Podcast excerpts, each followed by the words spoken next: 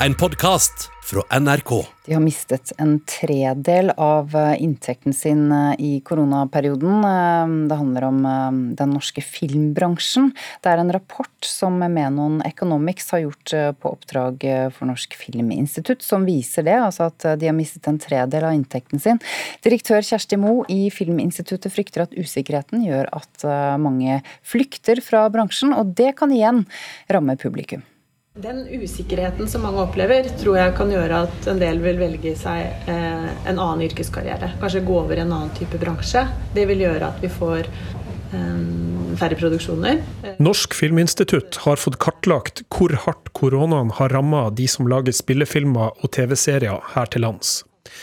Inntektene har svikta fordi kinoene bare har kjørt med en fjerdedel av makskapasiteten, samtidig som at flere produksjoner har måttet stenge ned å utsette innspillingen. Det er jo omtrent samme eh, reduksjon i inntekter som eh, øvrig kulturbransje.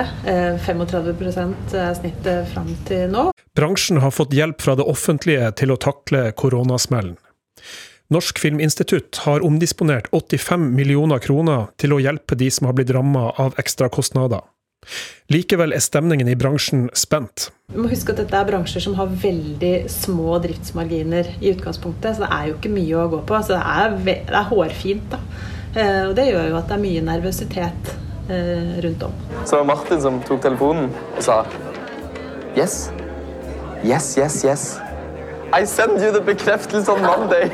Produksjonsselskapet Maipo Film går i disse dager i gang med å spille inn sesong to av NRK-serien Lykkeland. Koronanedstengingen har så langt kosta produksjonen 10 millioner kroner ekstra. Av det her anslår produsent Synnøve Hørsdal at produksjonsselskapet selv må dekke 3-4 millioner kroner, etter at NRK og Filminstituttet har gitt sin skjerv.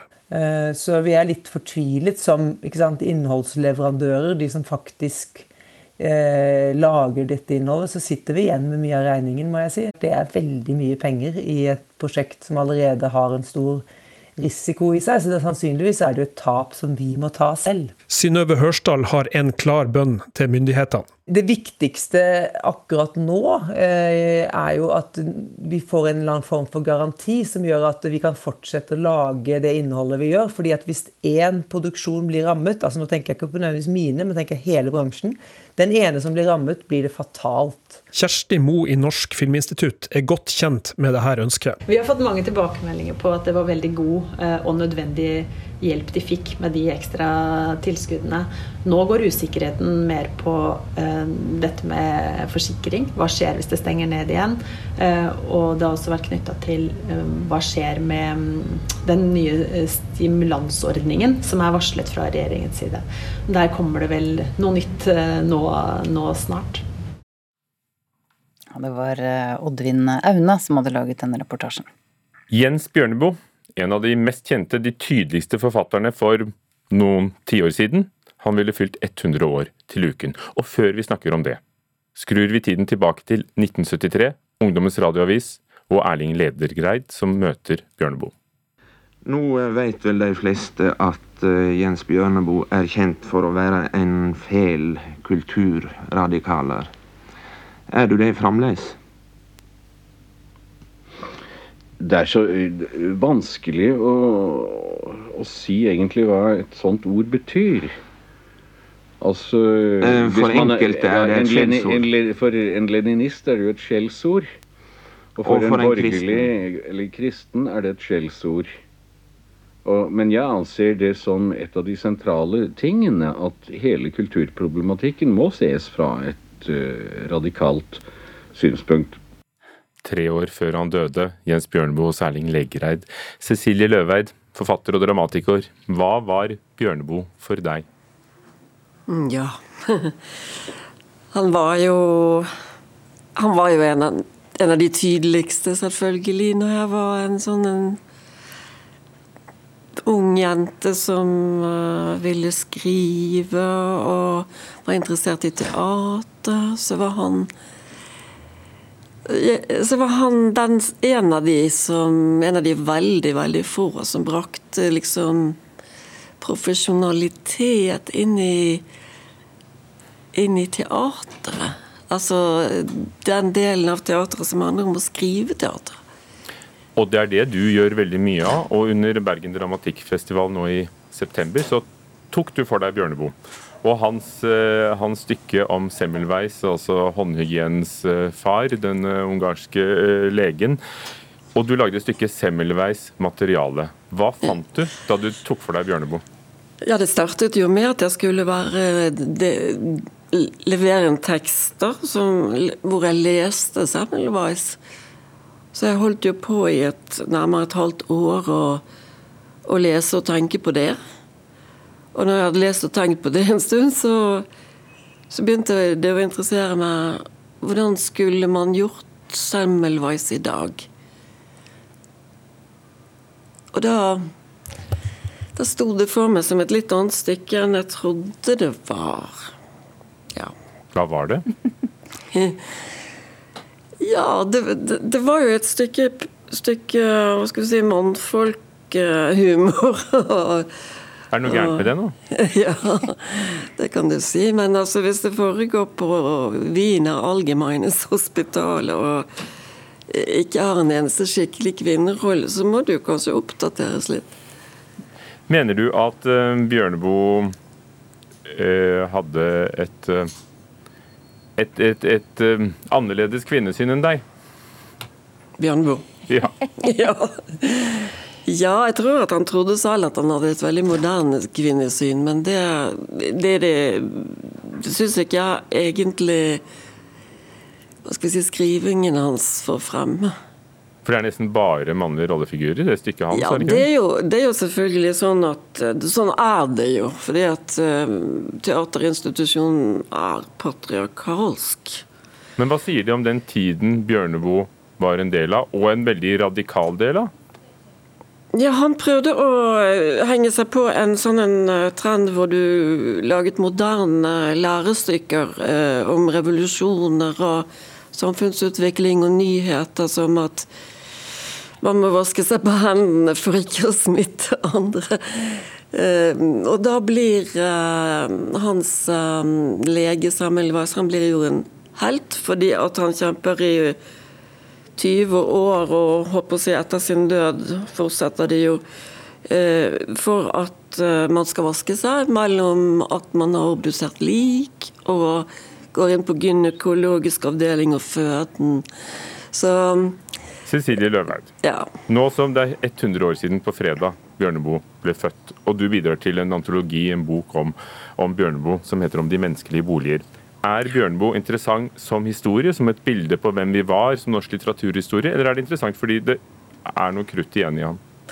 Bjørneboe er kjempeinteressant, fordi han er, han, er, et et barometer på den tiden han uh, kommer fra. Han har jo en uh, ytterst borgerlig bakgrunn, og så har han liksom trålt Europa og verden og kommer og er en slags levemann, samtidig som han som står på de svake side. Og Det er jo spennende. Det er jo en figur som er ytterst spennende. Gi oss én bok vi må lese. Jeg vil jo si Semmelweis, da. Eh, men jeg vil også si Uten en tråd, for den er så spennende.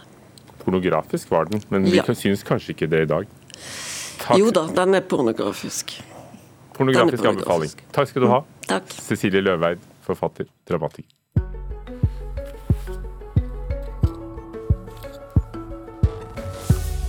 Det har vært et sirkus, og det er fortsatt noen uker igjen. 3.11 er det presidentvalg i USA, og en av dem som følger ekstra nøye med på det, det er deg, Vårin Alme, kommentator i amerikansk politikk.no. God morgen. Du hører mye på podkast, gjør du ikke det? Det gjør jeg. Det kan trygt sies. Polarisering eh, er et ord som eh, gjerne går igjen eh, om det amerikanske samfunnet og valgkampen. og Da har du et tips til en podkast som kanskje vil motvirke litt av dette. Den heter Left, Right and Center. Hvorfor er den god? Ja, altså Det har vært min, min go to-podkast eh, egentlig så lenge jeg har vært interessert i, i amerikansk politikk. Eh, ledet av da journalisten Josh Barrow. og De har alltid med seg, da, som tittelen sier, én eh, journalist eller ekspert eller forsker videre fra venstresiden, en fra høyre, og så en litt mer da, sentrumsorientert moderator. Og det denne podkasten skal gi, da, som de har som varemerke, det er altså en, altså en ordentlig dialog, um, en anstendig samtale, um, som likevel tar for seg de mest spente um, altså skillelinjesakene da, i amerikansk politikk. Til forskjell fra en del andre uh, kanskje for så vidt ikke podkaster, men paneler er jo kanskje de verste.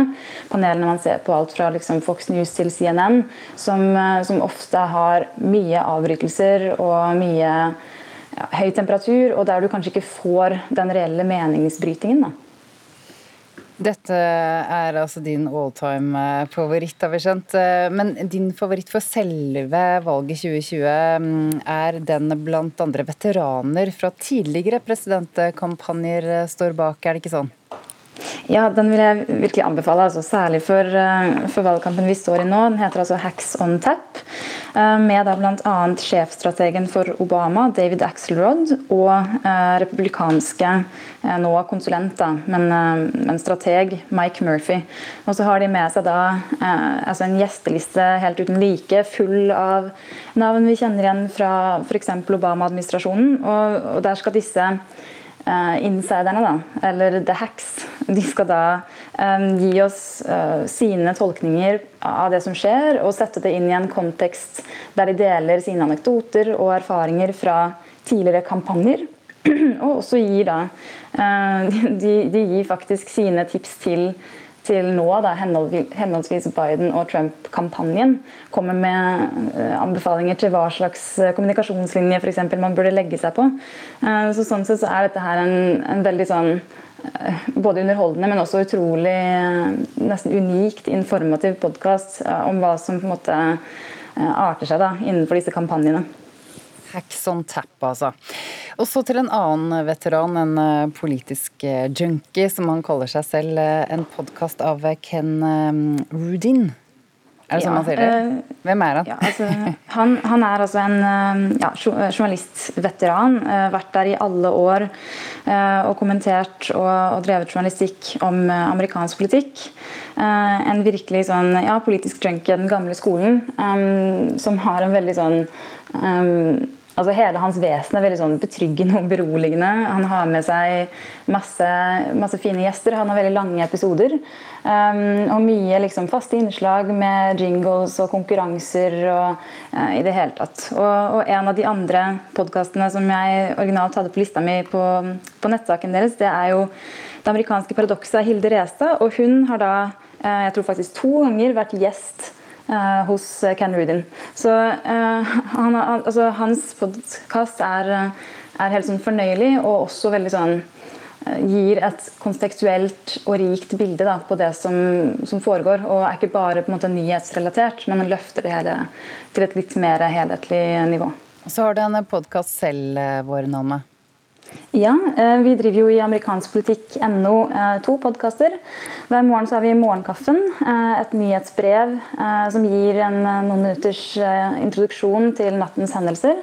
Og så har vi da 2020, en ukentlig podkast der vi forsøker å gjøre nettopp det som, som jeg nå har beskrevet. Da, altså løfte samtalen litt, men samtidig være såpass ja, aktuelle at vi klarer å sette det som foregår inn i en meningsfull ramme da, og, og, gir gode analyser for, for det som utspiller seg. Takk, Vårin Alme, kommentator på amerikanskpolitikk.no. Flere podkast-tips om amerikansk politikk og samfunn eh, finner du på nrk.no. Du har hørt en podkast fra NRK. Hør flere podkaster og din favorittkanal i appen NRK Radio.